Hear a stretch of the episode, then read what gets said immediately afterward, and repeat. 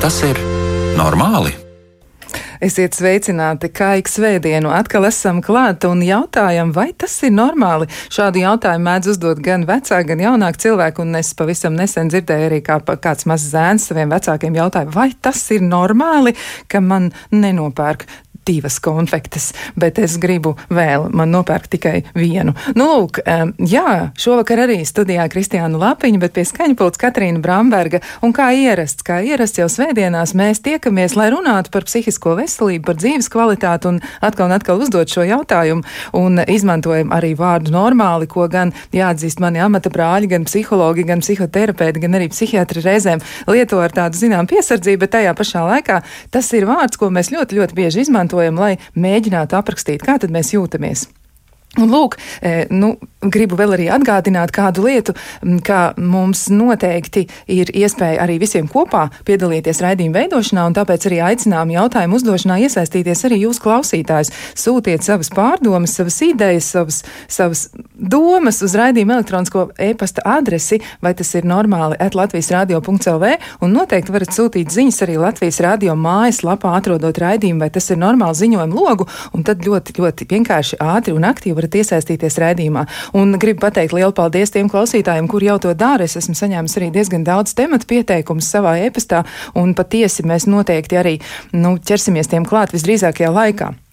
Nu, lūk, bet eh, šodien, jā, šodien mēs runāsim par to, kā tad ir zinātne pret sazvērestības teorijām. Kas tad izraisa vēlmi rast apstiprinājumu dažādos mītos un eh, reizēm arī noraidīt zinātnes sasniegums, kas nu šķiet acīm redzami, un kā tad ir ar mums pašiem, vai mēs spējam racionāli domāt tādos spriedzes apstākļos vai nē.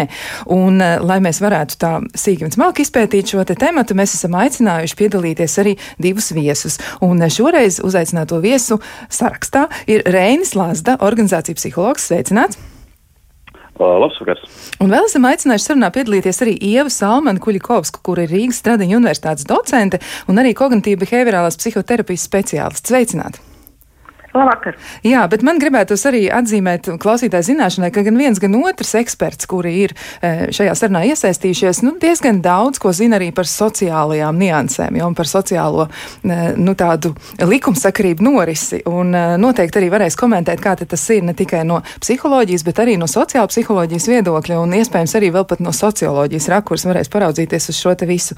Bet pirms mēs sākam sarunu un mēģinām uzdot nu, šos dažādos jautājumus, kas mums parasti ir padomā padomā. Es gribētu sākt ar kādu tādu ievadu, kas varbūt būs mazliet garāks kā citas reizes, bet tajā pašā laikā tas varētu mums arī izrādīties ļoti svarīgs, lai ierosinātu pašiem savas domas un proti.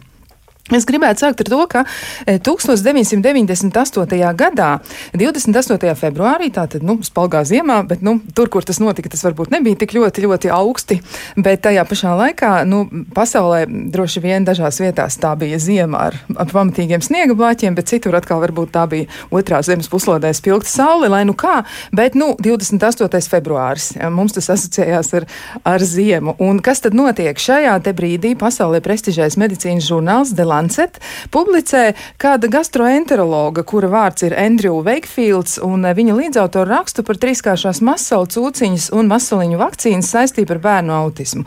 Nu, šis paziņojums ir ļoti, ļoti skaļš, izraisa milzīgu viļņošanos sabiedrībā, un jāatzīst arī, ka mediķi uz to brīdi ir ļoti, ļoti samulsuši, jo Lieta ir tāda, ka tajā brīdī, 1998. gadā, un arī šobrīd mēs varam teikt, ka līdz galam bērnu autismu rašanās mehānismi nav skaidri, un e, mēs nevaram teikt, ka mēs zinām visu par autismu. Autisms nu, šobrīd tiek saukts par tādu neirobioloģisku un neiroloģisku uh, problēmu. Tā nozīmē, ka tas izraisa dažādu veidu sekas, ja, dažādu veidu attīstības traucējumu, bet tajā pašā laikā nu, tas nenozīmē kaut ko tādu, ka mēs varētu teikt, ka tā ir tāda nu, kaut kāda problēma vai slimība slimību tādā ierastajā veidā. Bet e, kas ir e, interesantākais, ka uz mirkli liekas sabiedrībai, un tad, tad 98. gadā likās, ka autisma rašanās noslēpums ir atklāts, viss ir skaidrs, un tā tad vakcīna ir vainīga pie tā, ka bērniem ir šāda veida problēmas. Tā tad ļoti, ļoti vienkārši. Bet izrādās, ka Pētījums ir bijis ļoti, ļoti aizdomīgs, un uh, ir tā, ka tajā brīdī arī nu, gan pa šim pašam pētījumam pievērsa uzmanību ļoti daudz citi zinātnieki,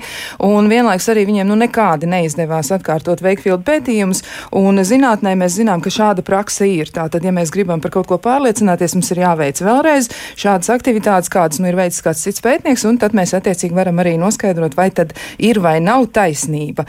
Ja, un, uh, Tā ir tāda obligāta prakse, bet, diemžēl, eh, nu jau mēs varam teikt, ka Andrew Jeremijs Veikfields ir bijušais, eh, bijušais eh, apvienotās karalistas mediķu reģistra dalībnieks, jo viņš no tā tika izslēgts, un ir tā, ka tika pierādīts arī, ka tie ir, nu, tādi sadomājumi. Bet tajā pašā laikā lielākā problēma, lielākā problēma ir tā, ka šis te pētījums ir izraisījis tādu tā kā lavīnas efektu, jo visu sociālo slāņu pārstāvji, nu, vecāki ar, ar, ar gan labāku, gan netik labu izglītību, vai drīzāk varbūt augstāku, vai varbūt mazliet nu, tādu ierobežotāku zināšanu apjomu, e, viņi visi bija sabijušies un izlēma, ka viņi savus bērnus nevakcinēs vai vakcinēs ar katru vakcīnu atsevišķi.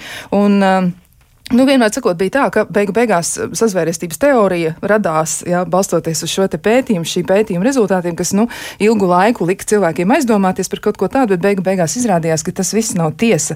Un eh, jāatzīst arī, ka viens no tādiem atmaskotājiem jā, ir Sunday Times žurnālists Brians Dīrs, kurš eh, veic izmeklēšanu, diezgan nopietnu izmeklēšanu, un viņš arī, starp citu, 2020. gadā ir publicējis grāmatu par ārstu, kurš piemuļķoja pasauli. Un, ja jūs gribat iepazīties ar šo darbu, jūs noteikti varat atrast atrast to internetā, varat arī iegādāties un varat izlasīt. Tur nu viss ir sīk un smalki. Bet te nu mēs beidzot esam pie galvenā jautājuma.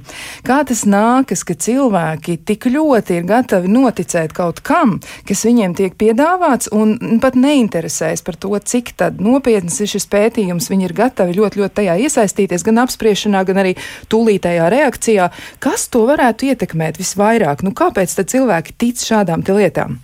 Varbūt mēs varētu sākt ar Reini. Reinis varētu komentēt, nu, kā tas nākas. Jā, eh, nu, pirmkārt jāsaka, ka uh, zinātne jau uh, nav vienmēr pastāvējusi sabiedrībā, ja, bet uh, cilvēkam ir, ir vēlme, ir tendence pasauli saprast, un tādēļ viņš izmanto uh, nu, zināšanas, uh, kādas viņam ir pieejamas, uh, tātad, kuras viņš gūst no, no citiem cilvēkiem, uh, kuras uh, viņam uh, um, nu, pārliecinošā veidā kāds, kāds pasniedz. Ja? Un uh, šādas zināšanas, nu, tas ir veids, kā, kā veidojas mūsu priekšstats par pasauli. Um, nu, viņi, viņi dažādos veidos tiek uh, šie priekšstati veidojas, nostiprinās, attīstās. Uh, un, um, teiksim tā, cilvēki, cilvēkam nav tik daudz resursu, lai katru šo informācijas vienību pārbaudītu. Mūsdienās pastāv zinātne. Uh, bet uh, zinātne reizēm prasa nu, tādu uh, varbūt salīdzinoši sarežģītu domāšanas veidu, kas ne visiem cilvēkiem ir saprotams, un varbūt ne visi arī ir skolā šo, šo domāšanas veidu nu, pietiekami labi izpratuši, apguvuši. Un, um, vai arī reizēm sanāk tā, ka uh, uh, nu, ģimenē vai tuvākajā sabiedrības uh, lokā, kas cilvēkam ir, uh, tie priekšstati par pasauli nu, nav gluži zinātniski. Ja? Un tad cilvēks uh, izvēlas nu, kādu, kādu citu uh, pamatojumu, kam ticēt. Nu, um, tā, tas, tas ir uh, mehānisms, uh, kas, uh, kas darbojas. Ja? Tad cilvēki domā dažādos veidos, un, uh, un, un, un zinātne ir tikai viens no tiem. Cita lieta, ka zinātne ir patiešām izrādījusies nu, salīdzinoši efektīva domāšanas pieeja, nu, pretstatā daudzām citām pieejām. Ja? Bet, nu, es teiktu, ka šī zinātniskā pieeja joprojām sabiedrībā nav tik ļoti nostiprinājusies. Un, jādomā, ka tik drīz uh, pārskatāmā nākotnē tas varētu arī nenotikt. Nu, jo vienkārši uh, daudz kas daudzējādā uh, veidā cilvēki joprojām uh, turpina uh, gūt informāciju nu, no sev tuvākajiem uh, cilvēkiem, arī, arī ļoti uh, agrā vecumā. Jā, nu tas ir Pietiekami interesanti no tā viedokļa, ka ir skaidrs, ka cilvēki lielu daļu no zinātniskiem atklājumiem, kur arī beig beigās izrādās īsti un palīdzoši, nu patiesi mēs to nevaram pārbaudīt, nav mūsu rīcībā laboratorijas, lai mēs katrs individuāli to izdarītu. Tas ir skaidrs tātad par to domāšanu.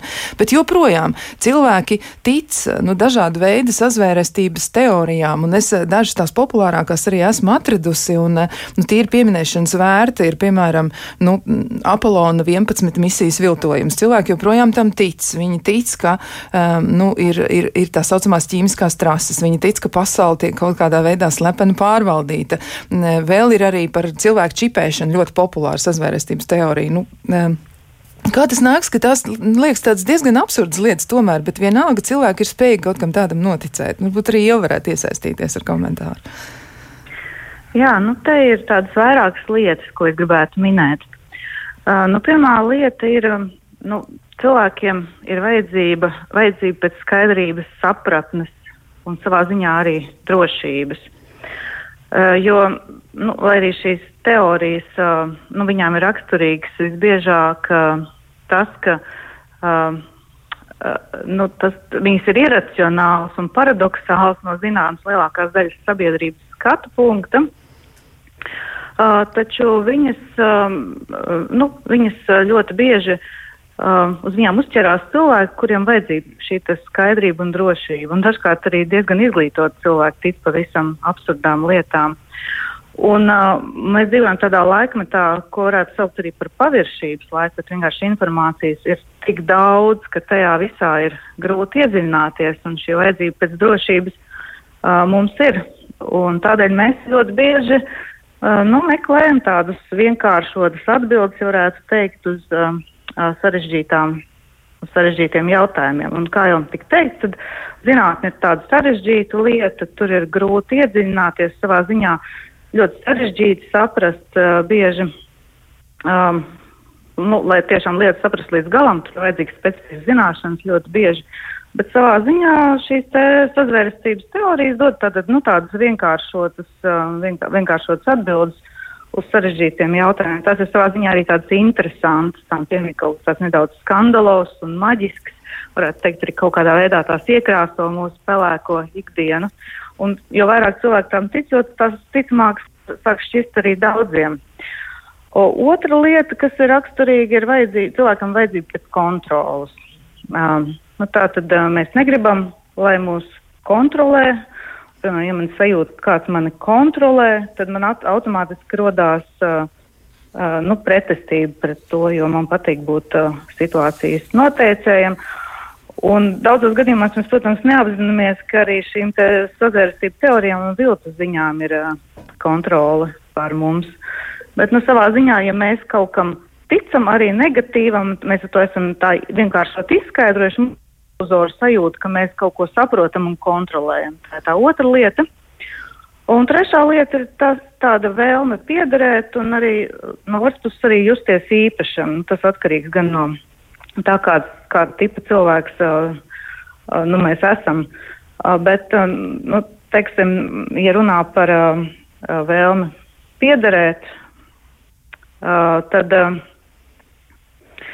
Nu, kaut, kādā, kaut kādā ziņā, ja man līdz galam man stabila viedokļa nav, tad, teiksim, tās manas sociālās grupas līderu līder viedoklis palīdz man līdz galam noformulēt to manu viedokli. Un piedarība šim te viedoklim rada tādu drošības sajūtu savā ziņā, tādu mūsējie, kuriem ir taisnība, apkarot tos, kuriem nav taisnības un tam līdzīgi. Tā vajadzība izcelties, būt unikāliem un pamanāmiem, uh, šādiem cilvēkiem arī ir lielāka tendence iesaistīties dažādās ar konspirācijas teorijām saistītās grupās un teorijām. Dažkārt viņi arī kļūst par tādiem kā viedokļu līderiem. Tātad vēlme piederēt un arī justies īpašam būtu vēl viena lieta, kas cilvēkus uz to veicina.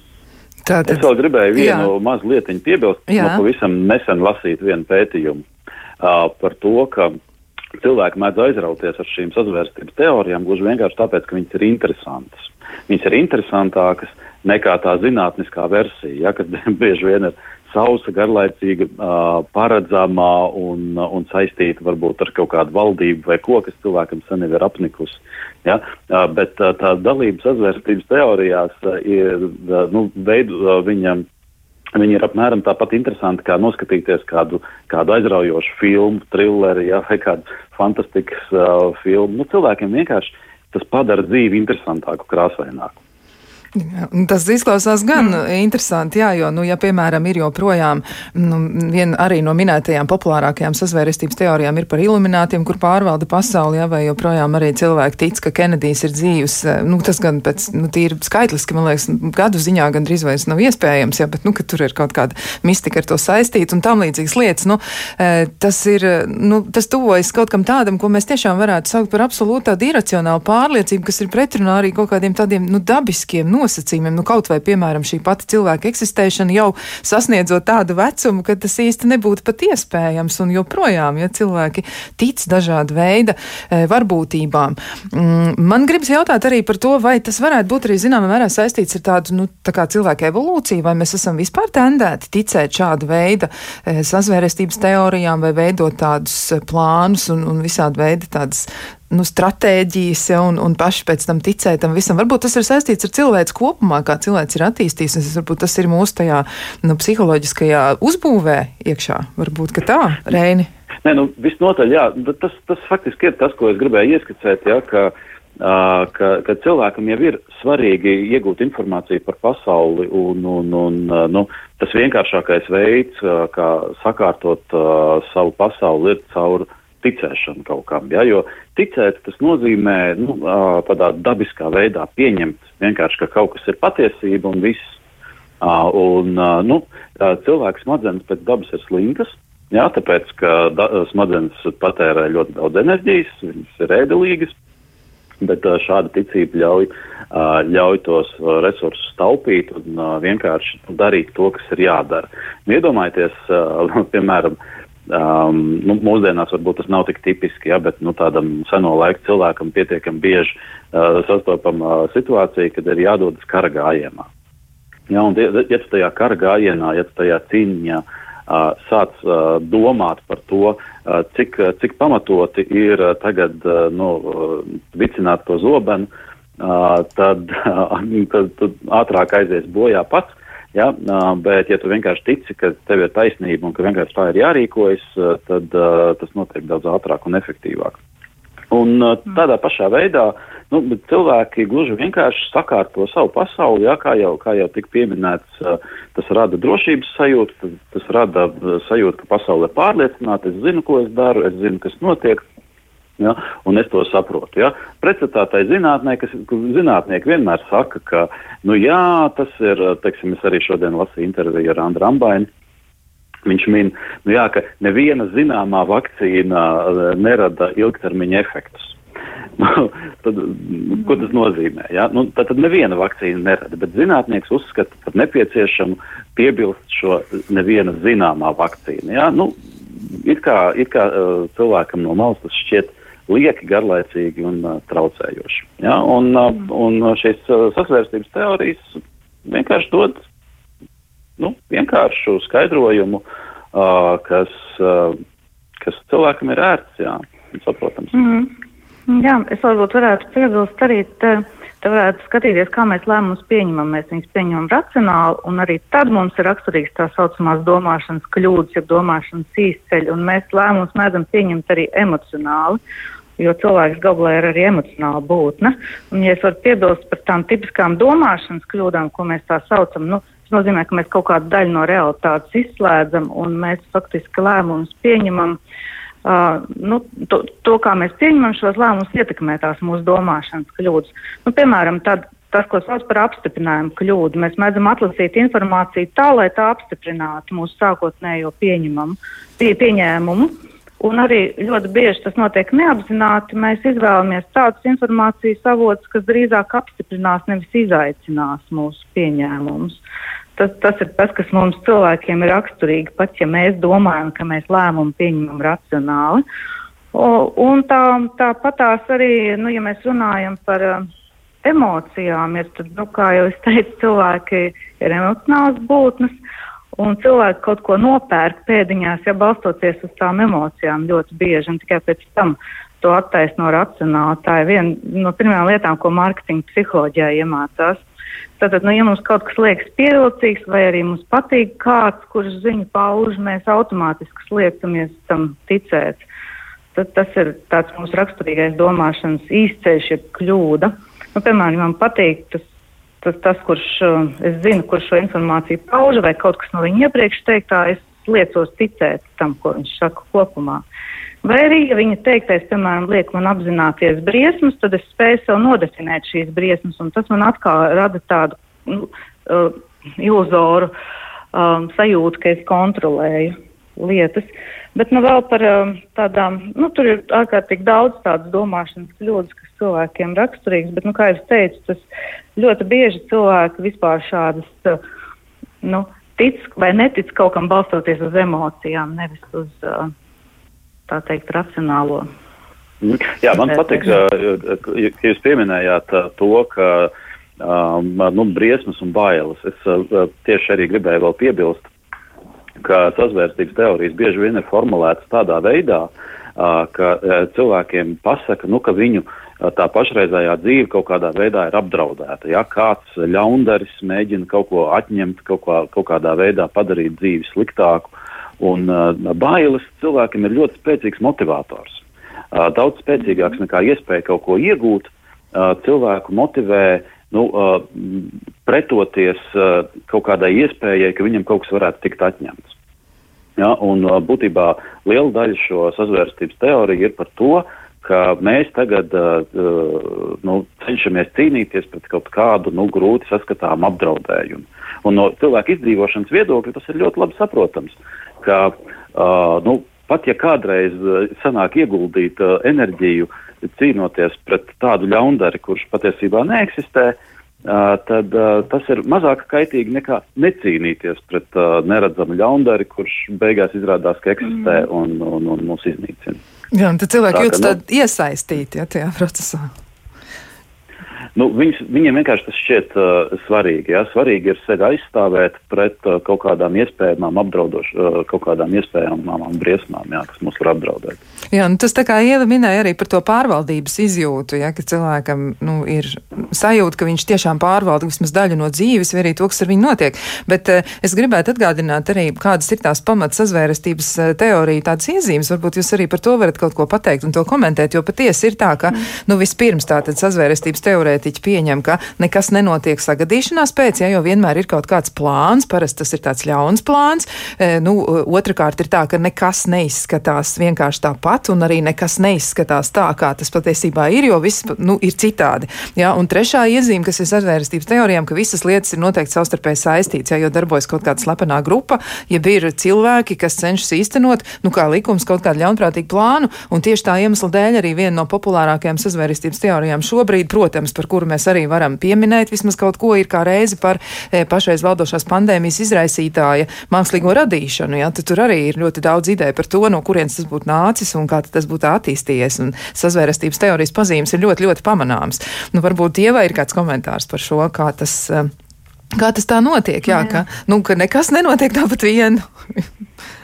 Nu jā, tas ir tāds, tāds uh, lielā mērā pieņems, uz ko tas balstās, bet, ja mēs runājam par sabie, nu, sazvērestības teorijām kopumā, tad pastāv arī īstas sabiedrības, uh, sazvērestības teorijas sabiedrībā. Uh, nu, kā piemēram, tur 2006. gadā bija tā tiesas prāva, kur cigarešu ražotāji tika tiesāti par faktu slēpšanu, par smēķēšanas radīto risku uz veselību. Bet, nu, kā jau arī sākotnēji tas tika minēts, tā zinātne un mūsu spēja atspēkot informāciju attīstās un sabiedrībā pieaug aizvien vairāk tādu cilvēku skaits, ko sauc par trauksmes cēlājiem.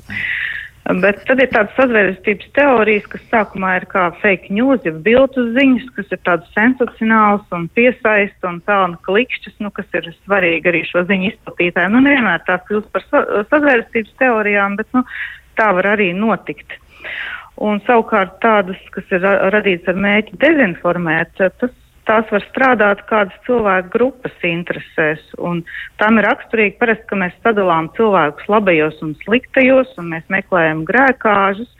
Un dažkārt jau arī tas tā, nu, pirmajā nu, acu uzmetienā nav pamanāms, nu, kā, kā interesēs ir bijis šādu sazvērestību teoriju radīt. Un dažkārt šīs sazvērestības teorijas mērķis ir vienkārši radīt sensāciju, vai arī radīt cilvēkos kaut kādas emocijas, piemēram, nu, ka, mm, nu, teiksim, nu viens būtu tas, jā, ir mēs, ja mums ir grēkās, tad mēs meklējam grēkās, bet citos gadījumos var vienkārši mērķis ir sakāpināt cilvēku emocijas. Pamatā tās ir dusmas, naids vai bailes, cilvēkus sašķeļot. Un kādreiz to, to pavēr, pavērtējot, kāds tas varētu būt šīs ziņas izplatīšanas mērķis, mēs arī vieglāk varam nonākt līdz tam, kā interesēs būtu bijis šādu, šādu sazvērstības teoriju radīt.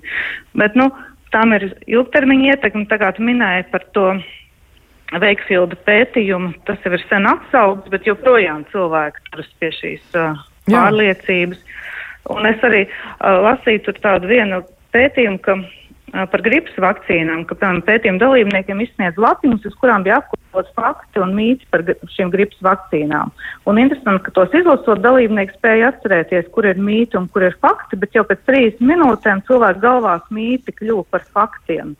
Tā kā, nu, tas ir, tas ir ziņā ļoti lipīgi šīs teorijas ir Jā, patiesi tās ir lipīgas. Nu, arī klausītāji ir iesaistījušies un saka, jā, nu, viens no klausītājiem, viņa komentārs ir tāds, ka daudz ir cilvēki, kuriem patīk iet vieglāko ceļu un ir ērti lasīt pētījumu virsrakstus, bet nu, pašas pētījums un metodiku. Nu, tā noteikti ir. Tas tā varētu būt, un cilvēki arī reaģē uz virsrakstiem. Ja virsrakstā ir kāda sensacionāla frāze, kas piesaista uzmanību, tad iespējams arī, ka tā cilvēka galvā sāk attīstīties pati savā veidā. Ja tur vairs nav, nav īsti saistības ar to, kas tad īsti seko tālāk.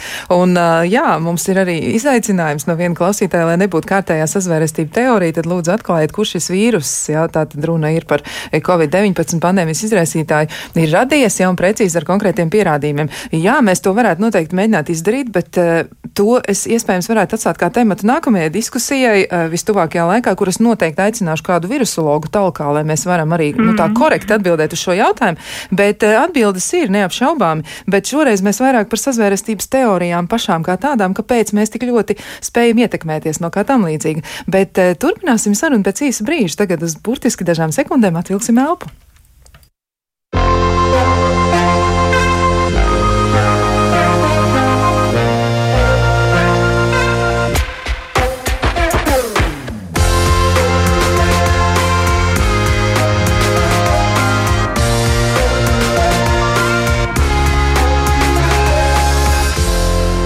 Vai tas ir normāli?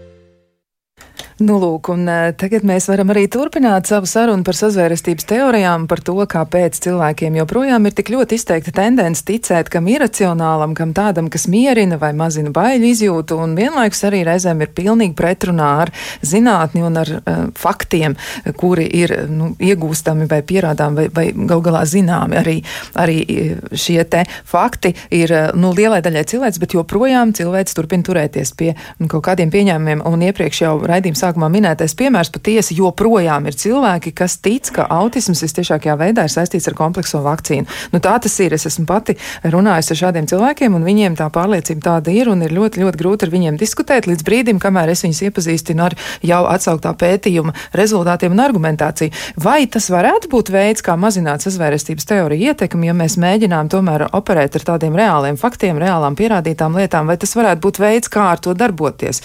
Kā jums tas izskatās? Jo ir arī tādas eh, interesantas lietas, nu, piemēram, Vācijā, Berlīnē ir viena no organizācijām, kas ir sabiedriska organizācija, un viņas eh, sauc, ticiet vai nē, bet folija cepurītes, un viņi mēģina stāstīt cilvēkiem, nu, kā tad īsti ir, ja, un mēģina palīdzēt viņiem, nu, tieši sazvērestību teoriju ietekmes apkarošanā, jo izskatās, ka ļoti daudz cilvēki eh, piekļaujas sabied... nu, sazvērestības teorijām tieši tā iemesla dēļ, ka viņi jūtas nevisai labi. Tur ir ļoti daudz dažādu iemeslu, un, eh, un tas viņus padara nu, savā ziņā ļoti viegli ietekmējams. Bet ko tad varētu darīt lietas labā? Nu, kā mazināt to cilvēku tendenci tik ļoti pakļauties kam tādam? Nu, varbūt vispirms sāk Ieva, un tad Rēns varētu piebilst. Mm -hmm.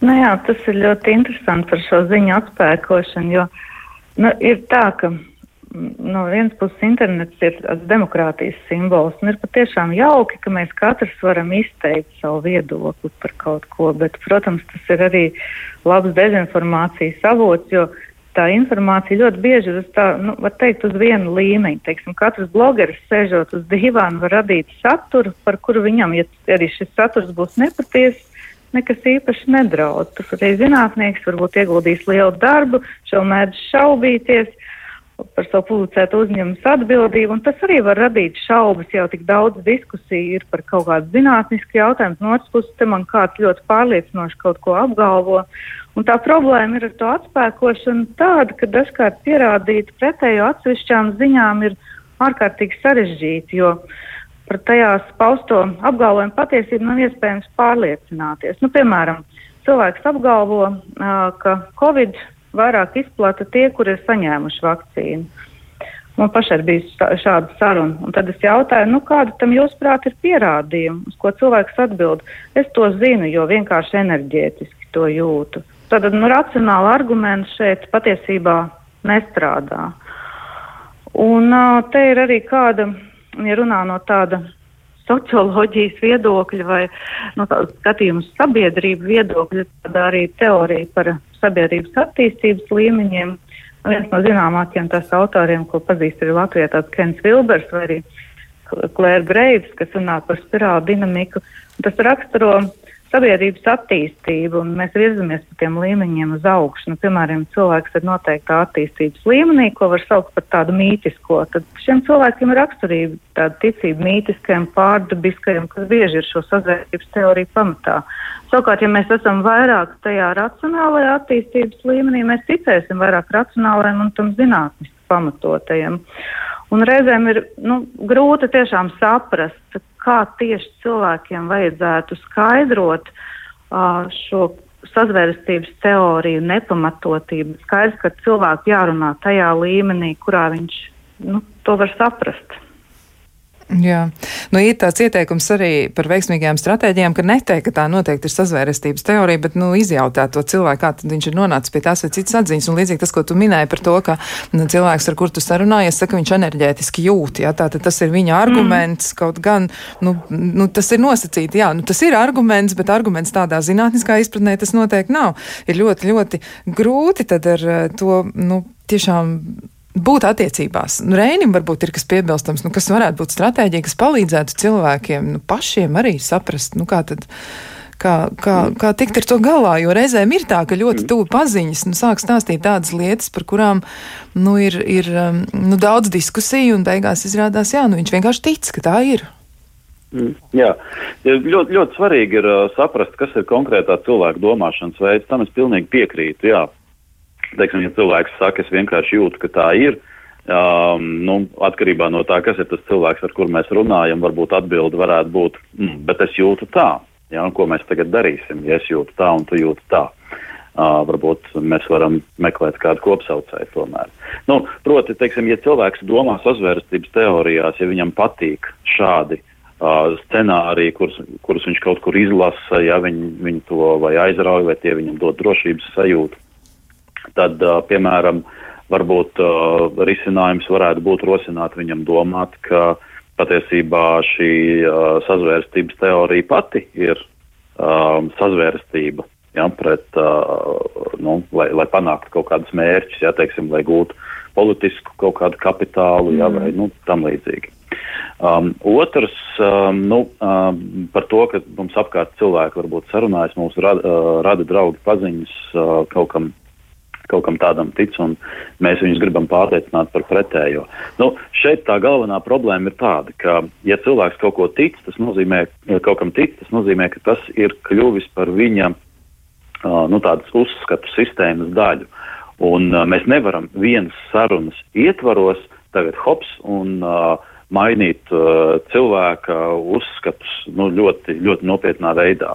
Ja, mēs varam runāt, uh, bet uh, ja šī saruna būs tikai viena, tad droši vien mēs neko būtisku nepanāksim. Ja, tam, tad, tas nozīmē, ka mums ir jāvelta vairāk laika un uh, vairākās uh, sarunās nu, tiešām jā, uh, jāpa, nu, jā, jāpasako līdz tam, ka uh, cilvēka domāšanas sistēma, uzskata sistēma mainās un, un, viņš sāk vairāk uzticēties uh, zinātnē. Nu, un, protams, lai tas notiktu, būtisks uh, arguments ir, vai šis cilvēks man vai nu, tātad šim sarunbiedram vispār uzticis. Jo, ja uzticēšanās nav, Uh, nu, tad, tad, diemžēl, tur var pilināt vai nepilināt, bet nekas nemainīsies. Bet, nu, tas tā, tā notiek, jā, bet patiesi tā ir. Nu, arī cilvēki, piemēram, netic ārstam, kuram ir gan atbilstoša izglītība, gan diezgan liels zināšanu apjoms, gan arī pieredze noteikts problēmas risināšanā vai vairāk problēmu risināšanā. Viņi vienalga turpina viņam neticēt. Nu, tas atgādina patiesi to, ko arī nu, apraksta kā reize šo, šīs biedrības folijas cepurītes vadītāja. Mm. Viņi saka, ka nu, ir ļoti grūti cilvēkiem e, stāstīt lietas, jo viņi tiešām kvēli tic, ka tas tā ir. Un tā turēšanās pie šīs pārliecības, nu, liekas, ka tā ir daļa tiešām, tā kā Reins teica, no nu, uzskats sistēmas. E, varbūt Ieva vēl kā var komentēt šo te, jo nu, tiešām ir, ir, e, tam ir postošs seks reizēm patiesi, jo, nu, ja mēs, piemēram, iedomājamies, ja, nu, es, es ticu, ka, ka Žozefs Meisters, ja, kurš ir puika, kurš izdzīvoja pateicoties Luija Pastēra darbam, ka viņš viņu um, nu, izmantoja izmantoja savā ziņā. Nu, patiesībā nē, viņa meistara māte ļoti lūdza, lai viņš izglābi zēnu no trakumsērgas e, nu, paredzamās nāvis, un, un pastērs tajā brīdī, gan nebūdams vēl pārliecināts par vakcīnas iedarbīgumu, bija gatavs to darīt un riskēt gan ar savu reputāciju, gan arī ar iespējamo rezultātu, kaut gan rezultāts tur varēja būt tikai viens. Jā, mazais zēns varēja aiziet bojā, tā bija simtprocentīgi garantēta nāve, un tomēr viņam izdevās izdzīvot, jo vakcīna strādāja.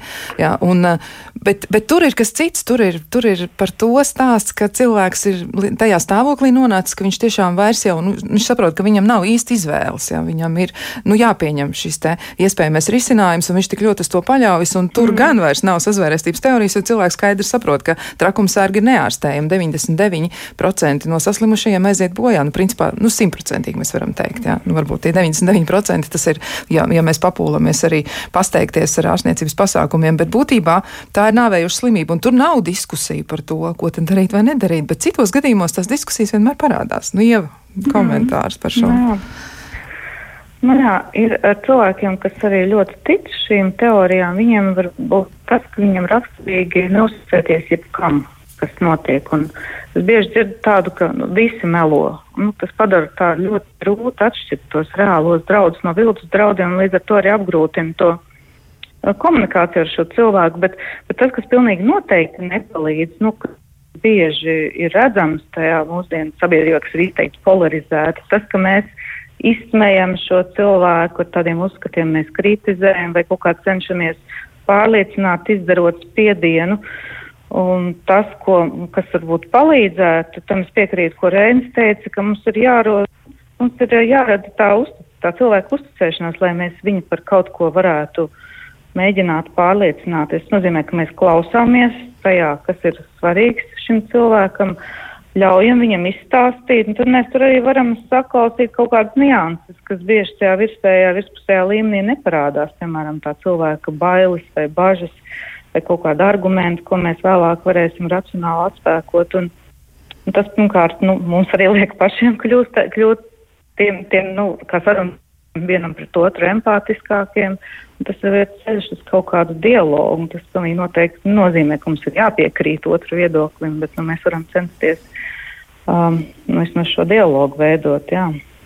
Jā, nu vēl ir minēts arī, ka viens no priekšnoteikumiem, lai cilvēks kļūtu uzņēmīgs pret sazvērestības teorijām, ir problēmas personīgajā dzīvē un arī dažādas eh, veselības problēmas, kas ir tādas ļoti konkrētas bieži vien, un cilvēks tiešām ļoti, ļoti padara nu, tādus noraizējušos, un viņi ir eh, nu, ļoti pārņemti ar to visu. Vai varētu tā būt, ka ir kaut kādi specifiski apstākļi, kas eh, rada augsni labvēlīgi sazvērestības teorijām? Nu, kuros apstākļos tās varētu vairāk veidoties un vairāk attīstīties, vai varētu būt, ka ir tāda laikmeta ietekme? Reini, kā izklausās? Vai vai, vai tas tā ir? Ja, nu, visnotaļ, jā, bailes, bāžas par to, ka, kas notiks ar mani, kas notiks ar teiksim, man tuvajiem cilvēkiem, viņas ir ļoti svarīgas cilvēkam. Un, teiksim, tāpat kā mēs zinām, ja, ja ārsts cilvēkam pasaka, ka viņam ir kāda neārstējama vai smaga slimība, ja, tad uh, bieži vien cilvēks meklē nu, tādus ļoti, ļoti savādus uh, cerības salmiņus, uh, kas viņam varētu palīdzēt uh, tomēr eh, no tās slimības izvairīties. Ja? Nu, mēs, mēs darām visu, mēs darām dažādas lietas, lai uh, sevi pasargātu un, un, un sev svarīgos cilvēkus. Un, protams, ka, ja cilvēkam jau tās bailes uh, ir uh, par kaut ko, tad uh, viņu ir uh, daudz vieglāk aizķert ar kaut kādu informācijas vienību, nu, kas šīs bailes vēl tikai pastiprina. Un, un, un tas vērstības teorijas parasti jau nu, dod to vienkāršo skaidrojumu un uh, bieži vien dod arī nu, kaut kādu izēju, ja, kā tad cilvēkam vajadzētu rīkoties, lai, lai šīs uh, nu, briesmas uh, mazinātu. Nu, tad, tad, tad viņš arī rīkojas. Jā, mm -hmm. Ieva? Jā, nu, patiesībā arī es tur paskatījos tur dažādas, dažādas informācijas avots un pētījumus, un tur bija korelācija. Piemēram, minēt, ka tam šim sazaistības teorijām vairāk cilvēki tādi, kuriem ir tā iekšējā nedrošības sajūta, ja tādi, kuriem ir vispār tendence uz pastiprinātu aizdomīgumu, arī tādi ekscentriski cilvēki un arī tādi cilvēki, kuriem nosliec visam oponēt, arī cilvēki ar emociju regulācijas grūtībām un cilvēki, kur ir depresijā. Un tur bija arī pētīts, tur bija tāds 28 valstu pētījums, uh, un, uh, kurā, kurā parādījās, ka, teiksim, sazvērstības teorijām vairāk tic uh, tādi cilvēki, kuri par informācijas pamat, informācijas avotiem izvēlas televīziju, nē, es atvainojos, tie cilvēki mazāk tic sazvērestības teorijām, kur vairāk skatās televīzijas, rā, klausās rādio un lasa rā, laikrakstus, nekā tie, kur galvenie informācijas avoti ir digitālie mēdī, personīgi kontakti un arī uh, politiķi. Tā kā, nu, tur ir jau pētīts dažādas korelācijas starp lietām, bet nu, skaidrs, ka, protams, ir tas, cik mēs esam spējīgi kritiski izvērtēt informāciju, cik mums piemīt šīs kritiskās domāšanas prasmes un kas ir problēma ļoti bieži. Jā, par kritisko domāšanu arī ir vērts noteikti runāt, bet uh, klausītāji arī jautā, un uh, ir jautājums viesiem, vai diskusija kultūras trūkums polarizētajā sabiedrībā nav domāšanas konstrukta vai precīzāk domāšanas kļūdu rezultāts, un vai sabiedrības polarizācija iespējams vispār mazināt, mēģinot diskutēt. Varbūt diskusija kā instruments vienkārši nestrādā, un ja tas tā ir, tad kas ir alternatīvā diskusija, alternatīvs veids, kā mēs varētu sabiedrībā uzrunāt? Uzrunāt viens otru, lai nu, nenonāktu pie tā, kur mēs esam.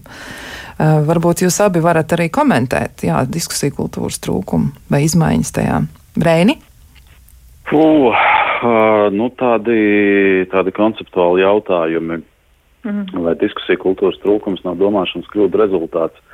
Um, nē, nu, domāšanas kļūdas, uh, nu, mums latviski mēs viņus saucam par kļūdām bieži vien, nu, angļu valodā runā, teiksim, par um, par domāšanas nosliecēm. Uh, tas, manuprāt, precīzāk raksturo to fenomenu. Ja? Tātad kaut kādi tādi iekšējie mehānismi, kas uh, liek mums nonākt pie noteikta veida risinājumiem, noteikta veida rezultātiem, kas lielā daļā uh, gadījumu varbūt izrādās uh, pietiekami precīzi, uh, bet ja mēs gribam nonākt nu, patiešām pie tādām uh, korektām, korektiem secinājumiem, nu, tad tomēr tās kļūdas, jā, kļūdas gadās. Un, nu, par diskusiju kultūru es teiktu, ka diskutēt vienkārši ir no vienas puses jāmācās. No otras puses, lai notiktu diskusija, ir nu, jābūt tomēr uh, kaut kādam šim minimālajam, kaut kam kopīgam, ja? teiksim, lai, lai varētu pastāvēt šī uzticēšanās starp diskusijas dalībniekiem. Ja? Nu, bieži vien ir tā, ka mēs nemaz negribam diskutēt, jo mums šķiet, nu, ka tas otrs neko jēdzīgu nepateiks. Un tāpēc vispār nav vērts iedziļināties, tāpēc mēs tikai katrs paliksim pie sava. Ja? Tā tad ir jābūt ticībai, ka šīs diskusijas rezultātā mēs kaut ko varam labāku izdarīt, un šis otrs uh, diskusijas dalībnieks arī grib uh, labāku rezultātu. Jā, nu tā, nu, un, tā tātad, vai, vai sabiedrības polarizācija var, ies, var mazināt, diskutējot? Es teiktu, ka noteikti, uh, bet vispirms ir jābūt uh, ša, šim minimālajam uzticēšanās līmenim, un to savukārt var panākt nu, vienkārši, ja mēs nenorobežojamies. Uh, tas ir viens no efektīvākajiem instrumentiem psiholoģijā vispār, ko, ko mēs zinām, tā skaitā, lai mazinātu stereotipus, mazinātu diskrimināciju un ko citu. Ja, Tātad nodrošināt, ka abas puse, abām pusēm ir um, nu, kopīga pieredze. Viņi redz, ka tas otrs uh, nu, nav nekāds briesmonis, nav tur uh, sātans un, un, un tam līdzīgi, ja, ka tas ir normāls cilvēks, uh, uzvedas uh, kārtīgi, pieklājīgi un uh, Uh, un tajā brīdī nu, es esmu daudz vairāk atvērts uh, sarunai ar viņu un gatavs ieklausīties uh, viņa domās. Jā, mm. jā, tas ļoti saskan arī ar to, ko Ieva teica, jā, un arī par to pētījumu, ko tu minēji, ja, par to, ka cilvēki, tad, kad viņiem tiek piedāvāts nu, mēdīs sniegtā informācija, kur ir dažādi viedokļi, viņi paši tad tos viedokļus atlas, bet viņi vairāk uzticas un vienlaiks arī droši vien zināšana apjoms vai informētība par kaut ko pieaug, tas atšķiras no tā, ko viņi dara internetā vai virtuālajā mm. vidē, kur viņi var atlasīt to, kas apstiprina viņu viedokļus. Bet par šo, kas tev būtu vēl piebilstams, varbūt tuvojoties jau sarunas noslēgumam, ko tu par to domā, diskusija kultūra un sabiedrības polarizācija? Jā.